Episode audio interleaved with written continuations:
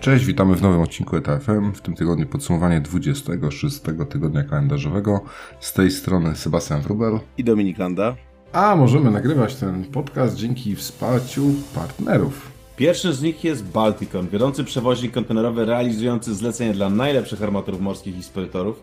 Balticon dysponuje również własnymi depotami, na których serwisuje, ale również i buduje specjalistyczne zabudowy kontenerowe, a także prowadzi ich wynajem, a specjalnością Balticonu są refery. Drugim i jednocześnie najstarszym naszym mecenasem jest e, DCT Gdańsk, czyli największy terminal kontenerowy na Bałtyku. Tu nam mija już rok współpracy i ostatnim, e, w sumie można powiedzieć, e, że powinien być pośrodku, jest firma Eco Worldwide, czyli wiodący coloader ładunków drobnicowych, więc jeśli jesteście spedytorem, który nie bukuje drobnicy, a chcielibyście zacząć, to na pewno Eco Worldwide jest Waszym potencjalnym partnerem. A jeśli chcielibyście dołączyć do któregoś z naszych odcinków, skomentować coś, poprawić nas, bo być może się gdzieś pomyliliśmy, to e, zapraszamy do kontaktu na kontakt małpaeta.fm lub social media dowolnych, gdzie nas znajdziecie. No a w ubiegłym tygodniu, e, klasycznie zaczynając od tematu indeksów Widzimy no, wciąż, bym powiedział, podobny trend, ten co obserwowaliśmy przez ostatnie tygodnie, czyli e, trend, który na pewno gdzieś tam cieszy e, firmy importujące i eksportujące e, towary, czyli trend spadkowy w globalnym ujęciu minus 6,5%, także całkiem, całkiem sporo. Największy spadek wciąż na e, tym tradzie transpacyficznym, tutaj spadek o 15% do poziomu 7,5 tysiąca. Mówimy o FBX-ie, jeżeli chodzi o indeks. E, to już jest ponad połowa z tego, co, co ten indeks wynosił jeszcze e, 2,5 miesiąca temu. W Europie troszkę mniej, aczkolwiek też, też tendencja spadkowa e, w większości e, trade'ów, oprócz tego głównego, czyli importów do Europy Północnej, tutaj praktycznie bez zmian to jest korekta o 16 e, setnych procenta, czyli w sumie mało znacząca. Co ciekawe, wciąż ten nasz trade europejski w importach z Dalekiego Wschodu się trzyma, bym powiedział, bo, bo widać, że Transpacyfik poleciał na łeb na szyję. E, co ciekawe, Transpacyfik to jest w sumie ten trade, na którym jeszcze, tak e, patrząc z perspektywy e, czasu w roku, peak season nie przyszedł, a bo on jest klasycznie troszkę później ze względu na krótszy transit time i tutaj zatowarowanie na okres ten czwartego kwartału. Natomiast ten w Europie Północnej już peak season można powiedzieć jest, więc być może dlatego też większe zainteresowanie samym miejscem na statkach i, i, i indeks się trzyma, tym samym stawki się trzymają, gdzie no, Transpacyfik leci, leci, leci, leci, leci w dół.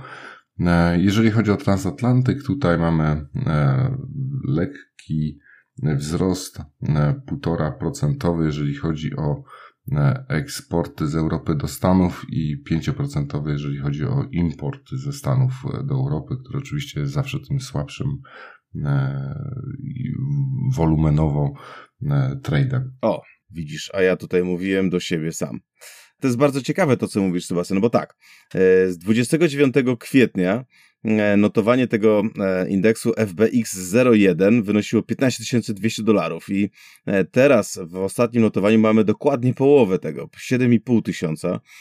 Z drugiej strony to samo widzimy, chociaż troszeczkę słabiej, w Chiny, Azja 17 300, trzy miesiące temu prawie do 10 tysięcy, także duży spadek, co jest o tyle, e, wiesz, interesujące, że generalnie popyt w Stanach, według informacji, którą, e, którą mamy i którą będziemy mogli za chwilę omówić, e, wcale nie spadł. To znaczy, mamy też rosnącą znowu ponownie kongresy w portach. Mamy znowu rosnący dwell time w portach w LA, w Long Beach.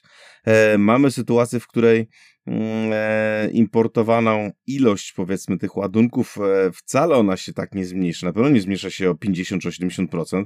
Także e, to z jednej strony. Europa, tak jak wspomniałeś, trzyma się mocno, bo mamy mm, ten sam indeks, inaczej, indeks FBX 11 z 29 kwietnia to był 11 tysięcy, czyli China, e, East Asia do, do północnej Europy. Teraz jest 10 tysięcy i właśnie 10,5, także spadł niewiele. E, Med to samo, z 12,5 w tej chwili jest 12, nawet wzrósł, bo jest 12800. Także sytuacja bardzo ciekawa.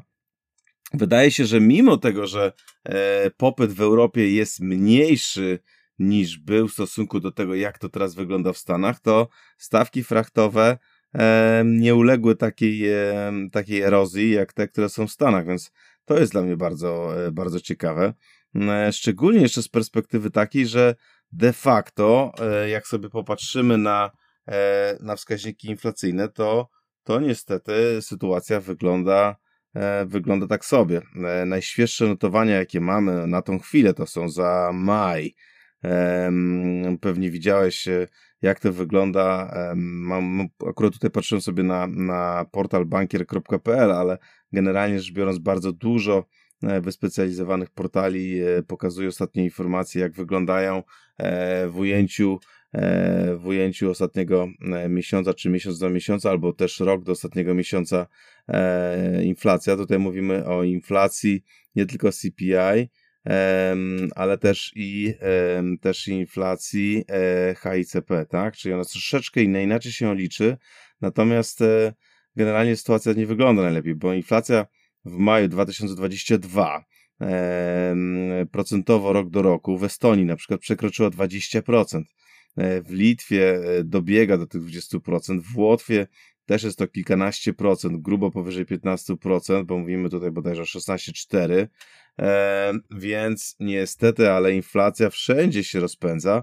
Co ciekawe, ostatnie notowania e, w Niemczech, e, analitycy spodziewali się, że inflacja będzie wyższa, że będzie w granicach bodajże 8%, mm, 8% i faktycznie w maju ona była w okolicach tych 8%, natomiast już bodajże dane za, e, za czerwiec, które się pojawiły, mówią o tym, że jest troszeczkę niższe niż oczekiwania analityków, więc to jest chyba dobrze. Mm, no cóż, e, nasza inflacja, która w tej chwili bodajże osiąga 15,6%, no trudno uznać ją za, za niską. Pewnie to też wymusza na konsumentach troszeczkę jednak powstrzymanie się od decyzji zakupowych, bo e, to, co nas kosztowało kiedyś, powiedzmy, nie wiem, 100 dolarów złotych, czy, czy, czy, czy zwał jak zwał, teraz jest o ładnych kilkanaście procent droższe, także, także to pewnie też wymusza ochłodzenie troszeczkę tego popytu. Pewnie też się odbije na usługach, no bo E, wiesz, skoro na przykład obiad kosztował kiedyś 100, a głównie żywność, jednak w tej chwili żywność i energia jest tym, co ciągnie inflację e, i nawet idąc na każde zakupy w każdym sklepie właśnie widzimy, że ceny artykułów poszło 30-40% do góry. No pewnie dużo ludzi zacznie się zastanawiać, czy, czy warto znowu iść do knajpy, czy warto pójść do pubu, bo jednak o, bardzo mocno poszło.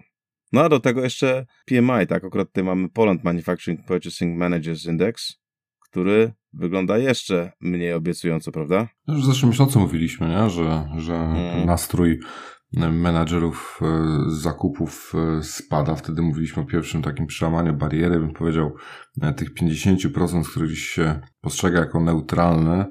W tej chwili mówimy w Polsce już o 44,4, także widać, że ten pesymizm tutaj raczej się, raczej narasta. Ciekawą rzecz powiedziałeś z tą inflacją, bo są takie jakby zielone wyspy, nie? Pod tytułem właśnie Francja 5,8%, Malta 5,6%.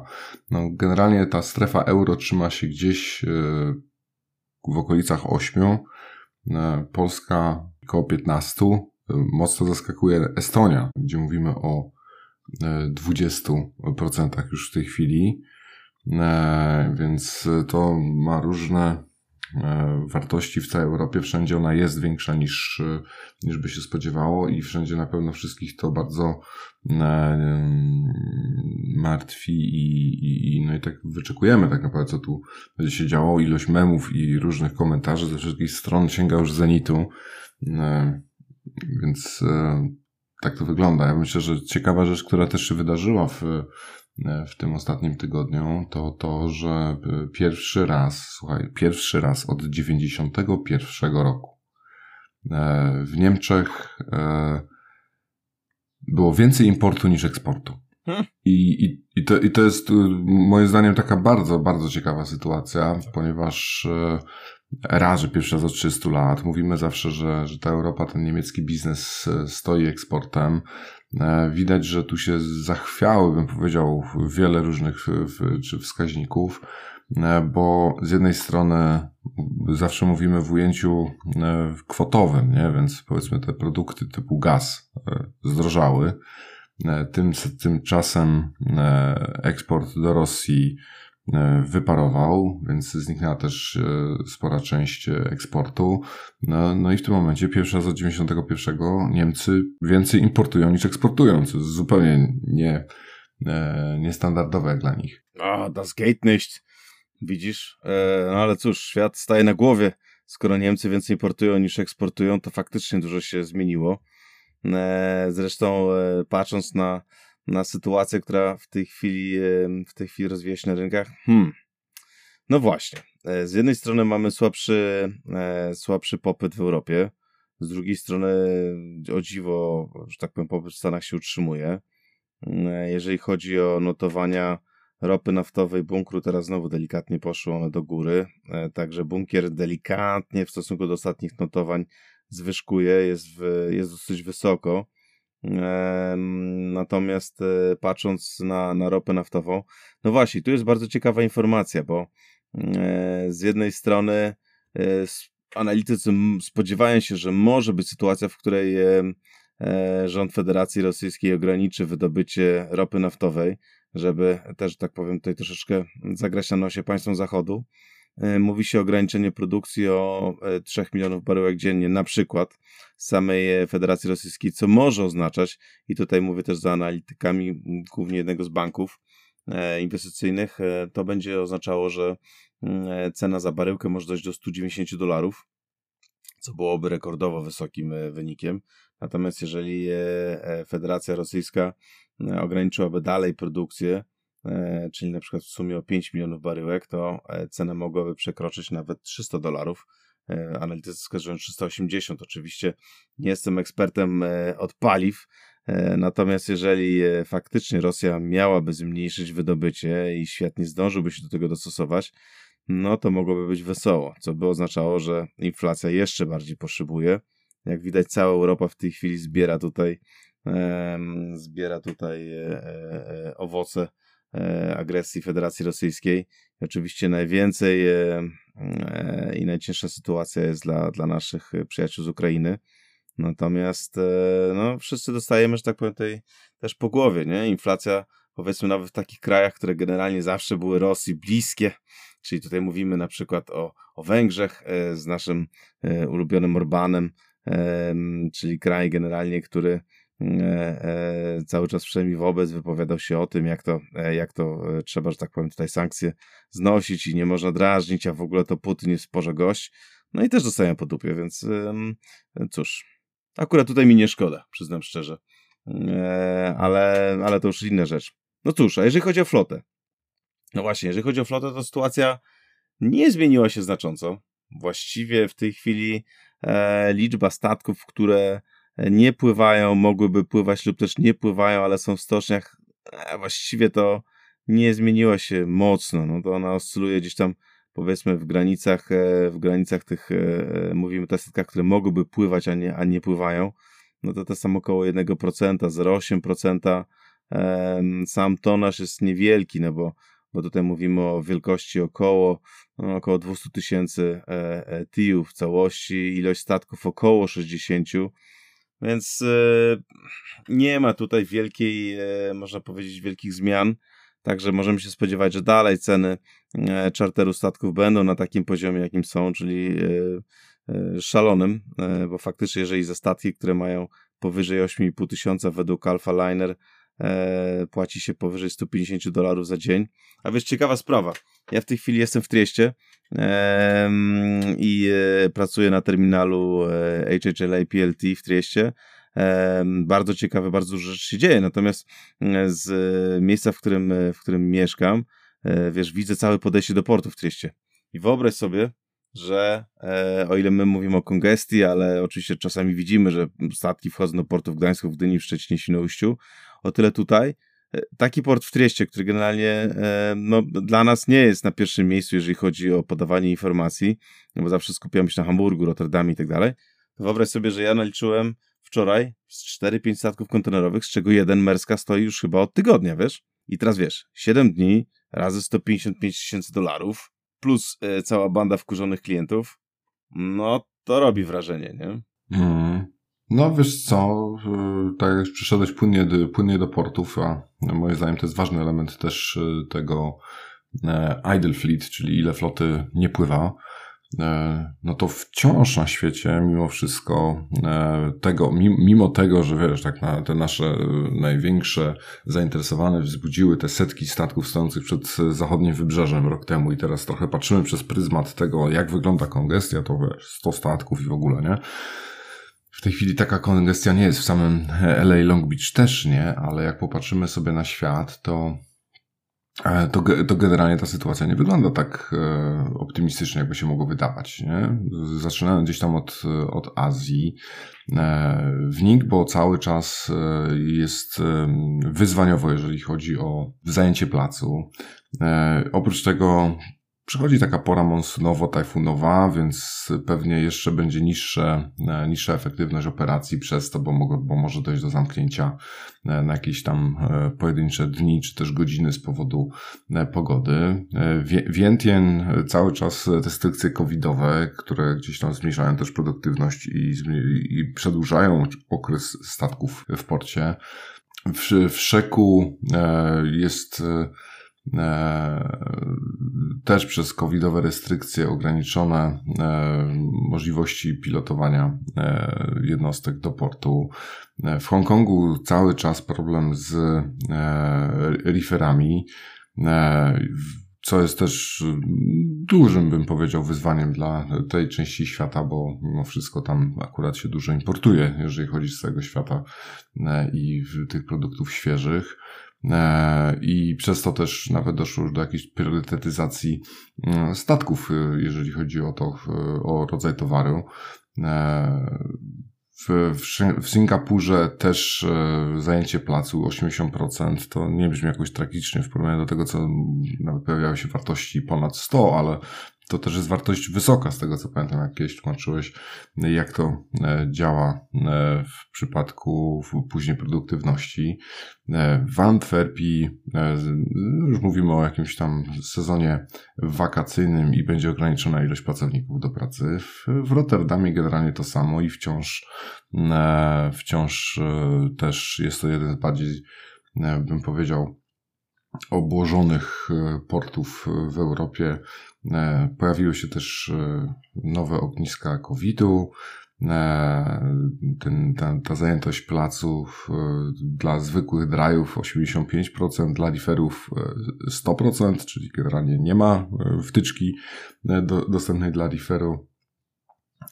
W Hamburgu wciąż trwają negocjacje, jeżeli chodzi o, o, o, pracowników i miejmy nadzieję, że tutaj się nic złego nie wydarzy, bo E, bo już widzieliśmy e, pojedynczy dzień, e, co jest w stanie zrobić w zeszłym tygodniu. Też pojawiają się informacje o nowych zachorowaniach na COVID. I tak wiesz, wy, wymieniać to tu mogę cały czas, bo w Beneluxie coś, nawet w Ekwadorze, Kostaryka cyberatak, w Meksyku problem z, z trakami. Wiesz, li, lista to jest po prostu taka, że gdzie nie dotkniesz, to jest e, jakiś problem. I teraz nawet zacząłem zastanawiać, czy to jest kwestia tego, że zaczęliśmy się bardziej temu przyglądać. E, zaczęliśmy, wiesz, przez to, że już wszyscy wiedzą, ile problemów może stworzyć e, ta część portowa dla całości łańcuchów dostaw, to po prostu jesteśmy trochę bardziej wrażliwi i staramy się to wszystko przewidywać, co oczywiście jest dobrym dobrą rzeczą, nie? Że, że staramy się, tutaj menedżerowie łańcuchów dostaw, e, e, no w sumie to jest ich praca, żeby też przewidywać, gdzie może nastąpić jakaś e, problem w tym łańcuchu, także dostęp do tego typu informacji jest kluczowy, żeby móc planować ewentualne inne ścieżki dotarcia produktów czy też surowców do, do siebie, ale lista jest długa. Praktycznie w każdym miejscu na świecie coś, coś się dzieje. I tym samym też duża ilość statków stoi, nie? Nie, nie? nie bierzemy ich do tego idle fleet, ale generalnie one są, można powiedzieć, po części wyłączone z użytku cały czas, no bo jednak mają dłuższe transit time, stoją na redzie, stoją w porcie. Nie ma ich do obsłużenia tego wolumenu, który, który no, można by teraz oczywiście dyskutować, czy słabnie, czy, czy, czy rośnie. E, aktualnie na Pacyfiku pewnie e, słabnie, aczkolwiek pojawiły się właśnie informacje, że wbrew pozorom, jeżeli chodzi o siłę nabywczą, czyli to, co od dłuższego czasu, można powiedzieć, że od samego początku pandemii też mówimy, że taką naprawdę takim zwrotem akcji, e, jeżeli chodzi o ten rynek globalnego transportu morskiego, mogłoby być e, zmiana kupujących w Stanach Zjednoczonych, a dla przypomnienia, można powiedzieć, że Większy popyt na te dobra takie konsumpcyjne e, w Stanach to, to był jeden z takich głównych przyczyn w ogóle zachwiania, bym powiedział, tych, tym całym rynkiem. E, no to w tej chwili e, pojawiają się analizy, gdzie wiele osób spekuluje, a bo teraz to już ludzie zaczęli kupować usługi, to, te produ- to na produkty już spadnie. No a jednak jak się przywoła tutaj twarde statystyki, gdzie w Stanach jest to trochę prostsze, bo tam jest mimo wszystko dużo więcej dostępnych informacji, i taką jedną z takich informacji jest e, E, są statystyki użycia kart kredytowych i płatniczych, e, na co zostało e, ile wydane, no to się okazuje, że jednak wcale nie, że, że te usługi są wbrew pozorom poniżej spodziewanych obrotów, a większość dóbr i tych durable, czyli tych, tych bym powiedział, dłużej terminowych, takich co prawie że inwestycyjnych, jakichś lodówek, odkurzaczy i tak dalej, to są wciąż bardzo na bardzo wysokim poziomie, wyższym niż spodziewane. E, I, I to nie wskazuje wcale, żeby ten popyt po stronie amerykańskiej na, na transport morski miał się zmniejszyć. E, co jest w tej chwili zupełnie roz, nie, nieskorelowane, mam wrażenie, z tym, co się dzieje w indeksach. No widzisz, tam gdzie my widzimy problemy, tam szkoleniowcy widzą challenge, tudzież e, wszyscy, wiesz, wszyscy, którzy próbują w tej chwili sytuacji zaradzić i na przykład słuchają nasz e, podcast mm, e, i mam nadzieję, że coś tam, że tak powiem, są w stanie z tego przyjąć i użytkować swojej pracy, czego serdecznie życzymy, to oczywiście są pod, są pod, można powiedzieć, tutaj pręgierzem, tudzież pod wezwaniami, no bo co by nie wspominać, bardzo mocno się wszystko zmieniło ostatnimi czasy, nie? No bo przypomnij mi, kiedy ostatnio rozmawialiśmy na temat takich fascynujących projektów jak na przykład Middle Silk Road Corridor, nie? Czyli na przykład jak towary mogłyby jechać z, mm, z Dalekiego Wschodu, z Chin, e, z Kazachstanu do Europy poprzez Morze Kaspijskie. No, my o tym rozmawialiśmy jako o tym, co się zmieniło, ale tak rok temu na przykład, żeby w ogóle kiedykolwiek o tym rozmawiać, prawda? To były takie rzeczy prawie nieistniejące, albo na przykład w jaki sposób e, z Ukrainy czy z Morza Czarnego dojechać do, e, do portów e, bałtyckich, na przykład kiedy nie ma tranzytu przez Białoruś. No to są takie wyzwania, które my jako logistycy mamy mhm. codziennie właściwie, prawda? Magazyny są pełne, w związku z czym kontenery w portach stoją dłużej, nie są podejmowane, więc to są wtedy też i challenge dla, dla portów. Okazuje się, że kontenery importowe stoją przynajmniej dwa razy dłużej niż stały do tej pory w portach Europy Zachodniej, magazyny pełne, popyt spadł. E, podobnie w Stanach Zjednoczonych. E, a jeżeli już na przykład ktoś chce faktycznie wziąć te rzeczy z magazynu, no to następuje brak e, trackingu, tak? Wskazane zresztą też w, tej, w tym podsumowaniu sytuacji jako jedna z rzeczy istotnych. Oczywiście mamy też informację o tym, że w Meksyku brak jest trackerów, no ale dla nas chyba też istotniejsze jest to, że w Polsce, w Danii, w Szwecji, w Finlandii też mamy ograniczoną liczbę trackerów, więc cały świat staje na głowie, w związku z czym nasza praca staje się tym bardziej interesująca, nie? Kiedy mamy tyle, jak to się ładnie mówi, challenge z korporacyjnego języka. No ale cóż, ale, ale, że tak powiem, świat jest taki, jaki jest, jego nie zmienimy, co najwyżej możemy się adoptować i znajdować jak najlepsze rozwiązania dla nas, dla naszych klientów. Mm, no ale e, okazuje się, że w Stanach Zjednoczonych chyba amerykańscy dokerzy, e, wiesz, za dużo czytają internetu i e, wyczytali o tym, że e, związki zawodowe w portach niemieckich, ale nie tylko, bo też i mówimy o Antwerpii i o Rotterdamie, dyskutują na temat wynagrodzeń i w Stanach Zjednoczonych, również na West Coast z, związki zawodowe stwierdziły, że chciałby jednak podyskutować o wysokości wynagrodzeń. Mnie zawsze zastanawiało, że są dwie rzeczy w Stanach, nie? że ten, kto jeździ na suwnicy, jak bodajże Tom Cruise w tym słynnym filmie o tym, jak kosmici najechali Ziemię, tam podobało mi się jeden moment w tym filmie, właściwie jedyny, w którym to Tom Cruise na przykład był na suwnicy e, i to od razu spowodowało, że film, wiesz, e, znalazł się w czołówce tych, które mnie interesowały, ale później jak zaczęli kosmici, e, że tak powiem, atakować Ziemię, to zdecydowanie moja sympatia spadła. No ale ta suwnica na początku i kontenery od razu, wiesz, to było to. No, ale w Stanach są dwie rzeczy. Jedna to taka, że nie możesz tak z ulicy dostać takiej pracy. To, to mówisz, że, ostatni, że ostatniego Bonda też lubiłeś? E, wiesz co, ja niezmiennie lubię Bonda, e, chociaż jest, jest szowinistą i generalnie, e, wiesz, jest, e, jest człowiekiem, który nie przystaje, można powiedzieć, do naszych realiów. Stąd też pewnie coraz więcej silnych kobiet w Bondach i bardzo dobrze. E, a jednocześnie chyba ostatni Bond to będzie ostatni Bond, w sensie mężczyzna, szowinista, a ma się pojawić pani Bond. I to jeszcze w dodatku e, pani, e, piękna kobieta, oczywiście inteligentna, afroamerykanka, także no, świat się zmienia i chyba Bond jest tego najlepszym przykładem.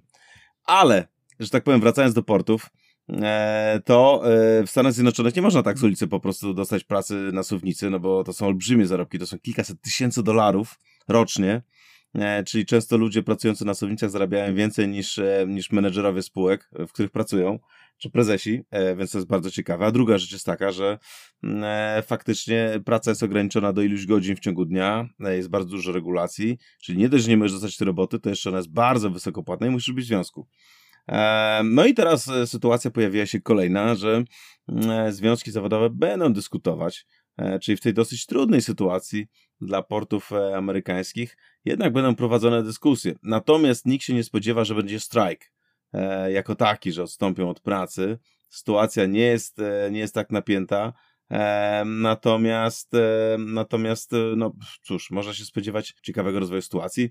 Też po drugiej stronie Atlantyku, a właściwie już na zachodnim wybrzeżu, w Kalifornii kontenery stoją dłużej. Cóż za niespodzianka. Sebastian, no powiedz, że się tego spodziewałeś. Ja w życiu. Nie. Skąd? Prawda? Skąd? Spadło to nas jak grom z jasnego nieba. Słuchaj, i, i tak y, cieszy to, że kontenery stoją duże, a nie statki. No właśnie, właśnie, ale wiesz, tutaj jedno, jedno się wiąże z drugim, bo jak się okazuje, e, pojawiła się jakaś, e, e, pojawia się oczywiście znowu jak co roku informacja, czy święta będą w tym roku, tato, e, więc, więc święta pewnie się odbędą, natomiast czy z prezentami to już zupełnie inna rzecz. E, natomiast e, okazuje się, że e, zaproponowana została opłata, dodatkowa opłata za kontenery, które stoją zbyt długo. Pytanie, co znaczy zbyt długo? To jest 100 dolarów za dzień. A? I co ty na to? Jest coś do podchwycenia w polskich portach? No dobra, żartowałem, bo e, zaraz nam, zaraz dostaniemy bardzo, bardzo jasny feedback od naszych, od naszych e, przyjaciół, e, słuchaczy z firmy innych niż firmy portowe. No, ale, e, ale sytuacja faktycznie jest napięta. Znowu w LA, w Long Beach, znowu dłużej stoją kontenery. No i dlaczego o tym tak dużo mówimy? Dlatego, że to, co się dzieje w Stanach, niestety później ma wpływ na nas, prawda? E, nie tylko ci, którzy wysyłają przez Atlantyk, ale, ale generalnie e, ta flota, która stała uwiązana w Stanach i ta flota kontenerowa to było kilkanaście procent, prawda? Swego czasu szacowaliśmy za analitykami, że to było kilkanaście procent całości floty stało grzecznie czekając albo w Stanach, albo w Azji. Także wszystko to, co dzieje się tam, ma niestety efekt tu. Co ciekawe też e, tam e, za tym, że te kontenery długo stoją, też w jakiejś mierze odpowiada e, intermodal, czyli ta kolej i możliwość dostawy koleją, bo to na nią się często bardzo czeka. E, żeby w ogóle kontenery zostały załadowane, także tak nawet nie do końca bym powiedział jest e, w, w tej gestii e, właściciela cargo, że nie, nie chce podjąć swojego kontenera sportu, więc te opłaty to, ja powiem Ci, patrzę na to sceptycznie. Generalnie temat tych dwell time w Stanach już od dobrych kilku miesięcy tutaj na Wukandzie obija w tej z powrotem, cały czas gdzieś tam był przedłużany. W międzyczasie tutaj prezydent Biden mocno zaczyna ingerować w wiele obszarów związanych z, e, z e, frachtem. Teraz też jak jeszcze nawiązując do mm, tych związków zawodowych, to też doszło do, do niejako takiego pierwszego mm, w historii aktu, gdzie prezydent Stanów Zjednoczonych spotyka się ze związkami zawodowymi. Słuchaj, no, to pokazuje oczywiście, jak e, ważna w tym momencie jest ta część związana właśnie z e, logistyką dla amerykańskiej gospodarki. To, to nie jest bez, to jest bez precedensu pod tym względem, że e, głowa państwa, która wcześniej, no można powiedzieć, wy, wręcz wyznaczała ład światowy, teraz wiesz, spotyka się ze związkami zawodowymi w porcie, żeby zapewnić ruch towarów na, na własnym rynku. To do, do dziwnych sytuacji dochodzi w ostatnim czasie. No tak. Yy, rynek jest, jest bardzo ciekawy, można powiedzieć. I bardzo dużo takich właśnie różnych ciekawych akcji się pojawia. Natomiast, hmm, kiedy popatrzymy sobie na, yy, na sytuację też troszeczkę dalsze, o, przepraszam, bliższe nawet, no bo w sumie to Unia Europejska, mamy E, instrument, który ma łączyć Europę. I dlaczego to mówię? Dlatego, że mam nadzieję, że e, to łączenie Europy spowoduje, że będziemy mieli mniej sytuacji takich e, nieprzyjemnych czy też krytycznych, stawiających wyzwania przed logistykami ze wszystkich krajów. Można powiedzieć, logistycy wszystkich krajów, łączcie się. I Unia Europejska chce nam w tym pomóc, w związku z czym w instrumencie CEF w perspektywie finansowej 21-27 Hmm, wydawało mi się, że jesteśmy w 22. No ale cóż, ta perspektywa finansowa, delikatnie opóźniona, e, mamy do przyznania 1,26 miliarda euro e, i e, e, część projektów nawet z Polski została zakwalifikowana, co cieszy. Mamy dofinansowanie, zresztą Polska jest chyba największym beneficjentem z tego, co widziałem CEF-u, także dobrze, no, mamy dofinansowanie e, kolei, mamy tutaj dla PKP PLK, e, prace dostępowe, na ciągach pasażerskich E30, e E65. E, mamy budowę transgranicznego połączenia drogowego z elementami bezpieczeństwa ruchu drogowego na trasie Via Carpatia, Polska-Słowacja. I to jest dobra wiadomość, bo będzie można faktycznie łatwiej się, że tak powiem, tutaj e, łatwiej przemieszczać. Bardzo dobrze. E, gdyby jeszcze się udało polepszyć przejścia graniczne z Polski do e, Czech na Słowację, mówimy tutaj o przejściach kolejowych, no to już by było po prostu, to byłby tak zwany Meisterstück, jak mówią nasi koledzy z zachodniej granicy. Mamy port Police, który został zakwalifikowany. Mamy też e, e, firmę Schawe Invest, e, która zdobyła 2,7 miliona euro. Także pogratulować, pogratulować. E, natomiast zastanawiam mnie, tutaj mamy jeszcze dofinansowania. Dofinansowania otrzymały jeszcze e, projekty. Polska Agencja Żeglugi Powietrznej, czyli ten słynny PASZP, który w tej chwili negocjował, czy jest w trakcie, czy właściwie skończył, bo, bo tak e, informacji jest e, mało, są udzielane zdawkowo z kontrolerami lotów. Także pozdrawiamy wszystkich słuchaczy. Mam nadzieję, że wy wyjechaliście, wylecieliście właściwie i wróciliście z wakacji. E, także, hmm, cóż, widać, że akurat tutaj Pasz potrzyma 1,2 miliona euro. Natomiast Mersk widzę w, ostatnim, w ostatniej informacji, że stwierdził, że jest trochę trudniej zarobić pieniądze.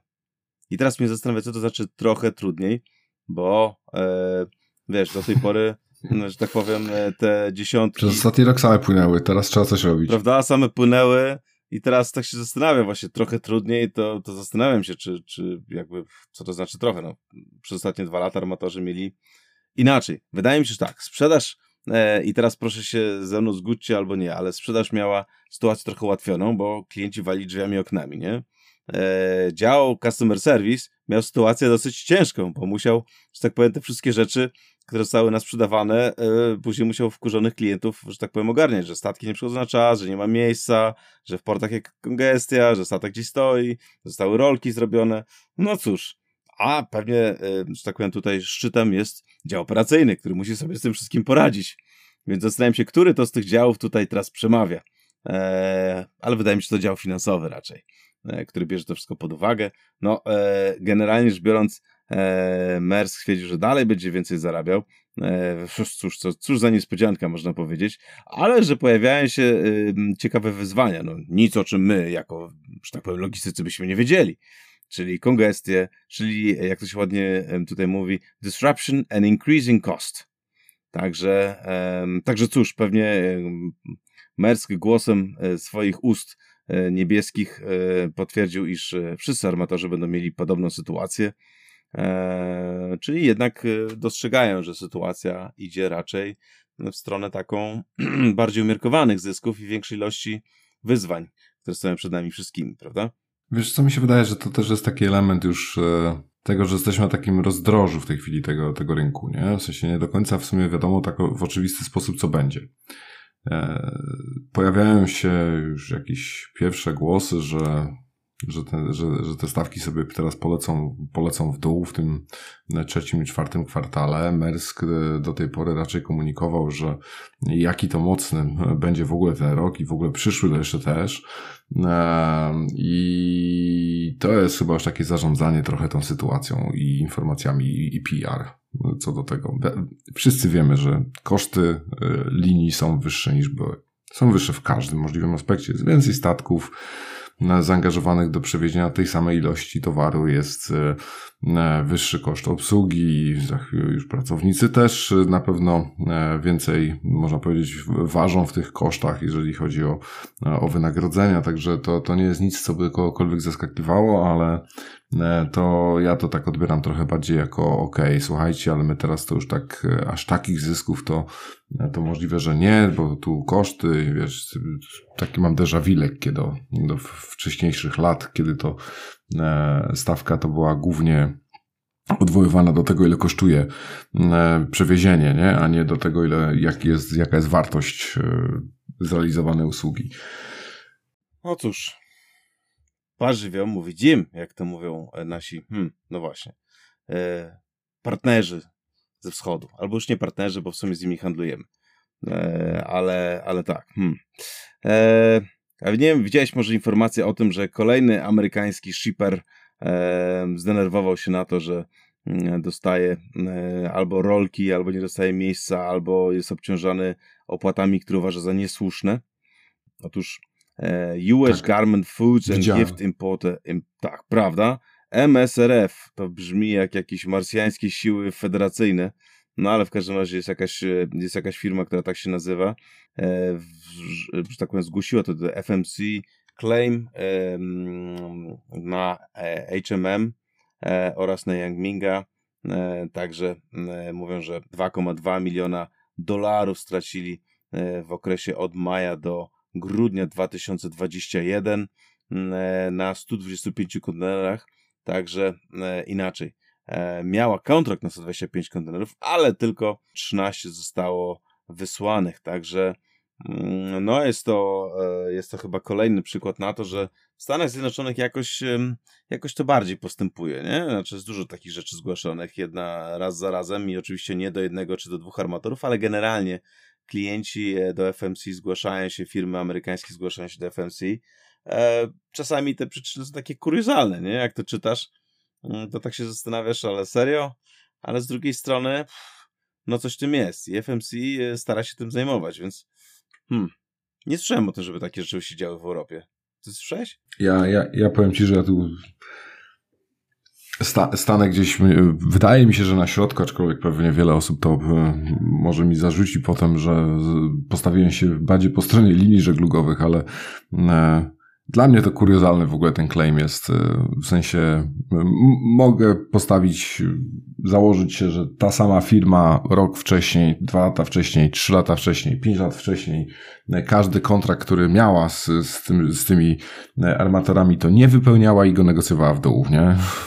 W zależności tylko od tego, jak rynek w danej chwili wyglądał. A teraz no, claim ma stawia, tak. że, że nie dostała miejsca po, po kontrakcie, który miał postawki wzrosły i, i ktoś im podwyższył.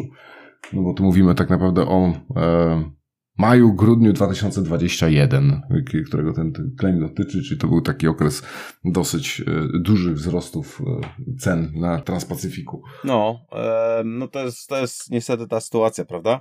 Jak rynek wyglądał, że tak powiem, zupełnie inaczej, armatorzy ledwo wiązali koniec z końcem, to e, zerwania kontraktów, niewypełnienia kontraktów, renegocjacje kontraktów następowały jedna po drugiej i e, mało który z klientów, ale byli też tacy, którzy dotrzymywali swojego słowa i to się teraz, mam nadzieję, że tak powiem, dla nich, dla nich pozytywnie e, odbija. Było bardzo dużo takich sytuacji. Później nagle jest wielkie zdziwienie, że jak siła przechodzi na drugą stronę, że armatorzy robią dokładnie to samo, nie? To jest um, krótka pamięć niestety, często.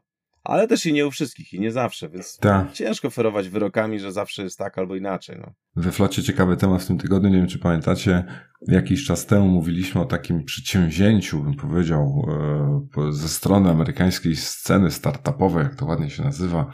E, powstała firma, która się nazywa Fleet Zero, e, i mają na celu zelektryfikowanie tych właśnie transportu morskiego. No i co ciekawe, ta, ta, ta właśnie firma Fleet Zero e, w tej chwili zakończyła rundę finansowania i szuka do kupienia statku. A szuka tego statku, e, żeby kupić, mówimy o jakichś tam jednostkach, około 200 metrów, powiedzmy max, e, bo tak jest policzone w tej chwili, że, że są w stanie zrobić to, co planują.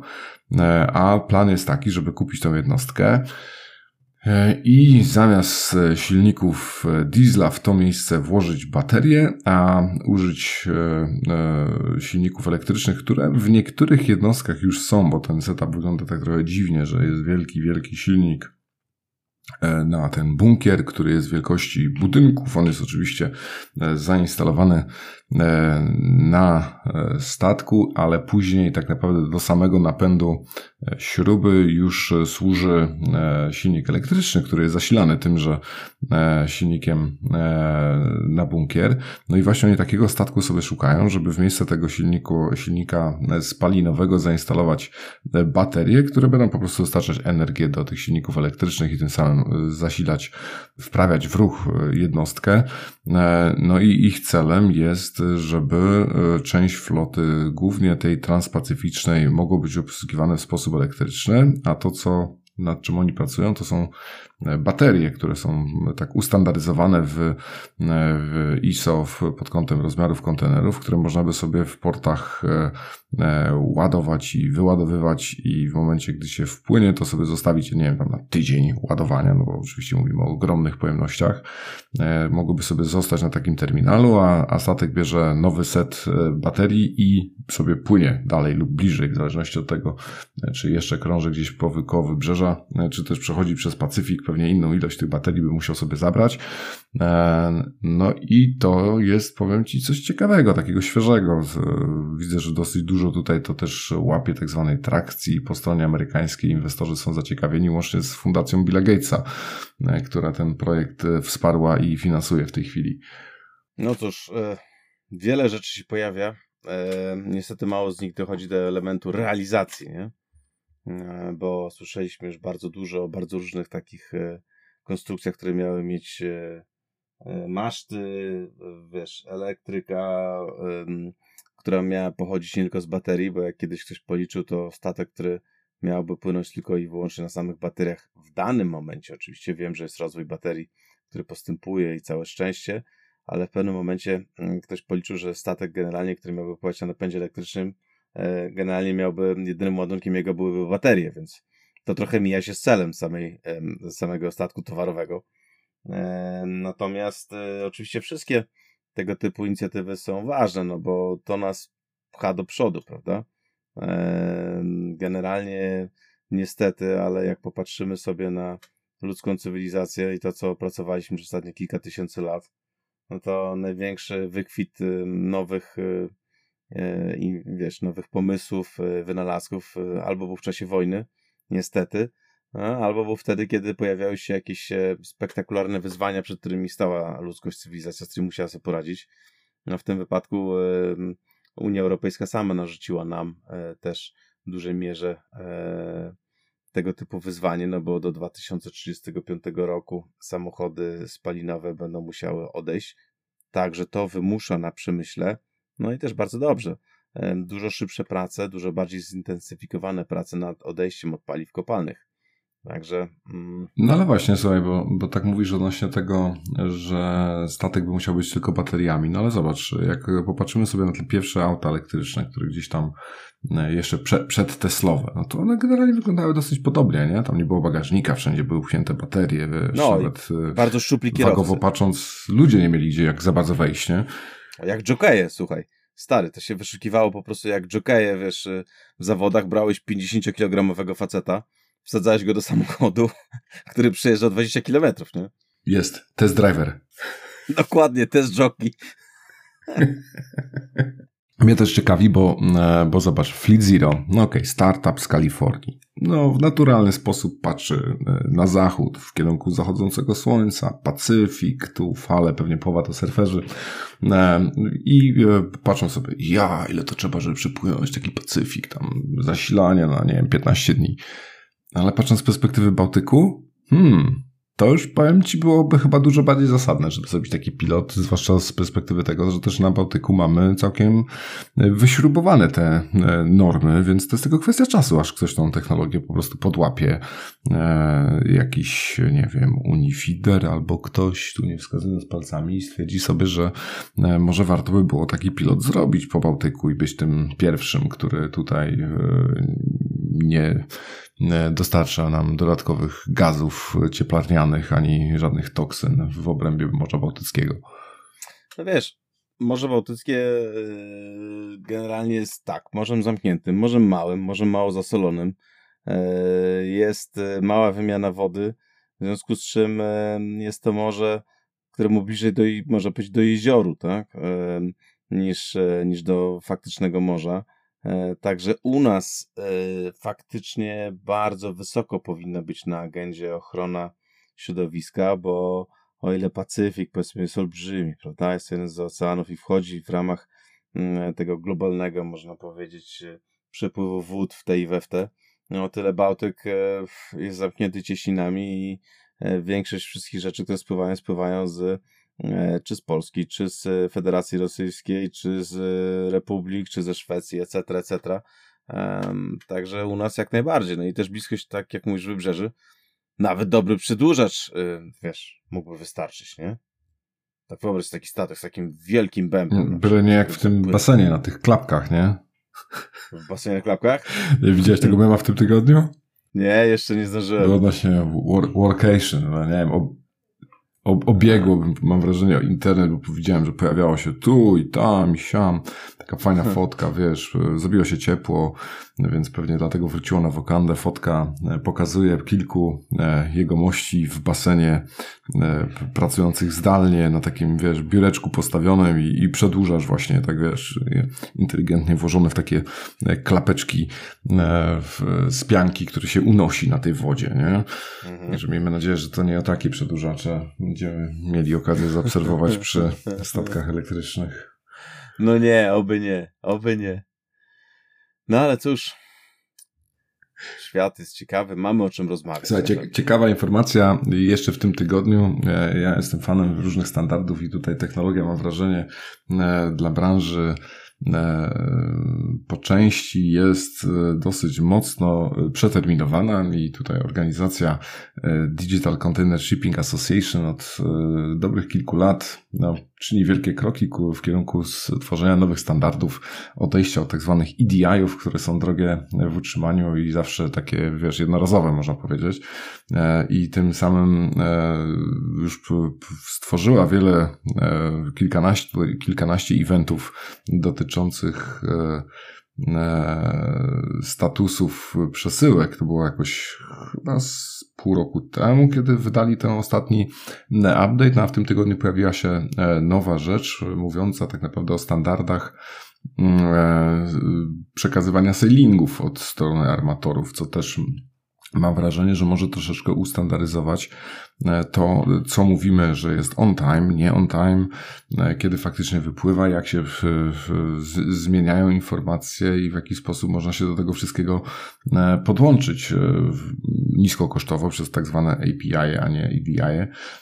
I to jest news z tego tygodnia właśnie z DCSA, trzecia wersja. Wszystkie osoby, które są zainteresowane tworzą jakieś rozwiązania i tutaj e, też pod, podeślę kilka prywatnych inform- wiadomości do paru osób, które wiem, że może to dotyczyć, ale jeżeli jesteście takim firmą, czy też budujecie jakiegoś swojego TMS-a i chcecie wdrażać, to to jest w tej chwili okres e, trzech miesięcy, kiedy DCSA zbiera e, tak zwany feedback, czyli tą informację zwrotną od potencjalnych użytkowników, żeby zaaplikować to z powrotem do swoich standardów i później opublikować już w takiej gotowej formie.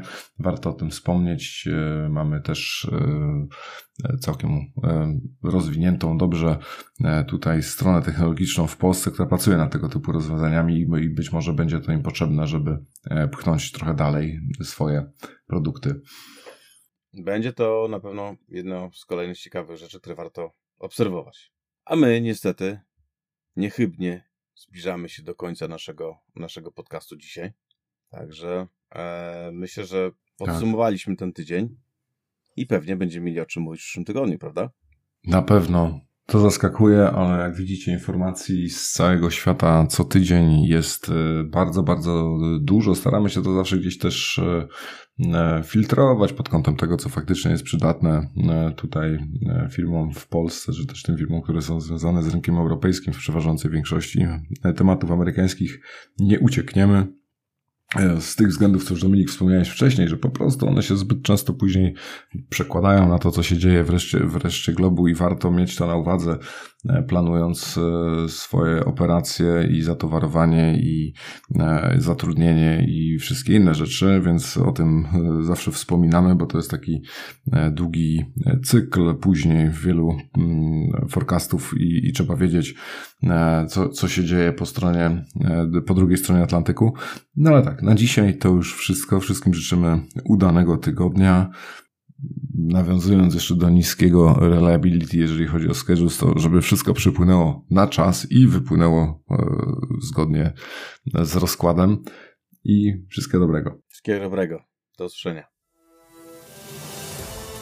Możemy nagrywać ten podcast dzięki wsparciu partnerów i sponsorów. Pierwszym z nich jest Balticon, wiodący przewozik kontenerowy, realizujący zlecenia dla najlepszych armatorów morskich i spedytorów. Balticon dysponuje również własnymi depotami, na których serwisuje e, specjalistyczne zabudowy kontenerowe oraz prowadzi ich wynajem, a ich specjalnością są refery. A od samego początku, jak tworzymy, nasz podcast wspiera DCT Gdańsk, największy terminal kontenerowy na Bałtyku i prawie równie długo czołowy kolauder morskich ładunków drobnicowych firma EQ Worldwide. Jeżeli jesteście spedytorem jeszcze nie wozicie drobnicy, to dobrze się skontaktować z EQ, bo łatwiej z nimi wystartować. A jeśli chcecie do nas dołączyć, podzielić się swoją wiedzą, poprowadzić któryś odcinek, dać wywiad, cóż wam tam w duszy gra, to śmiało do nas piszcie na kontakt lub po prostu nagrajcie to, o co chcecie zapytać, tak że będziemy mogli to załączyć do któregoś z odcinków na anchor.fm łamane przez etafm.